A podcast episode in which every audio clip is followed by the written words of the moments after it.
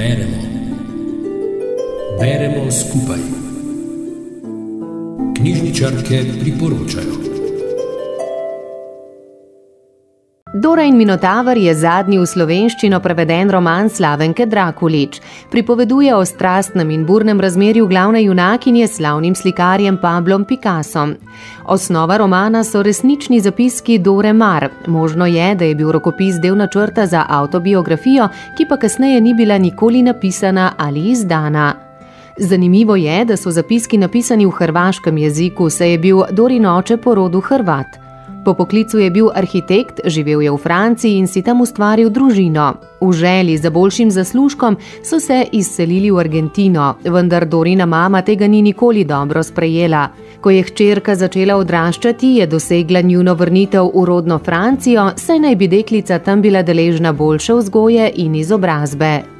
Dora je res postala izvrstna fotografinja, družila se je s številnimi umetniki tistega časa, tudi slikarskim genijem 20. stoletja Pablom Picassom. Slikar je bil takrat še poročen, poleg tega pa še v zvezi s prejšnjo ljubico. Dora je bila osebnost resnega in močnega značaja v nasprotju s prejšnjimi ženskami, sposobna razumeti Picassovo delo in mu pri tem celo pomagati. Nažalost je v tem času opustila fotografiranje, saj naj bi to, po Picassovem mnenju, sploh ne bila umetnost. Po sedmih letih je bilo burne ljubezenske zveze konec, kar je imelo za Doro strašne posledice. Razhod s slavnim slikarjem jo je pripeljal v umobolnico, a zdravljenje z elektrošoki ni bilo uspešno. Umaknila se je iz umetniških krogov in javnega življenja, nikoli več ni fotografirala, pač pa samo še slikala. Vedno bolj jo je privlačil duhovni svet. Pisateljica Slavenka Drakulič v romanu nikakor ne obsoja Picasa, poskuša samo razumeti nastalo situacijo. Slikar je bil kot vulkan, ki je uničeval vse okrog sebe. Obseden z ustvarjalnostjo je uporabljal bližne ljudi za material za svoje delo, izrabil jih je v dobro umetnosti. Dora mu je bila zanimiva za portretiranje, dokler ni razbil njene skrivnostnosti, v zadnjih portretih pa jo je slikal že povsem spačeno.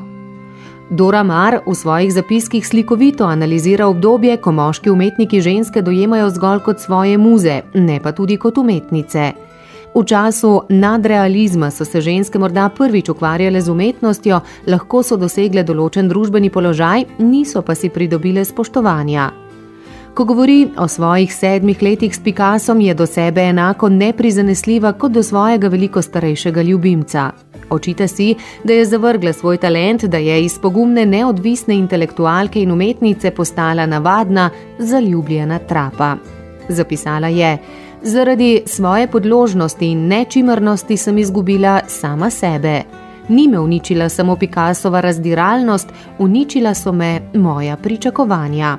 Vsebina romana nam daje dragocen pogled v ustvarjalni osebnosti tako Dore Mar kot Pabla Picasa, pravi Tatjana Šmit iz Škofeloške knjižnice Ivana Tavčarja, ki nam roman Dora in Minotaver priporoča v branje. Rubrika Beremo skupaj nastaja v sodelovanju z Radijem Sora.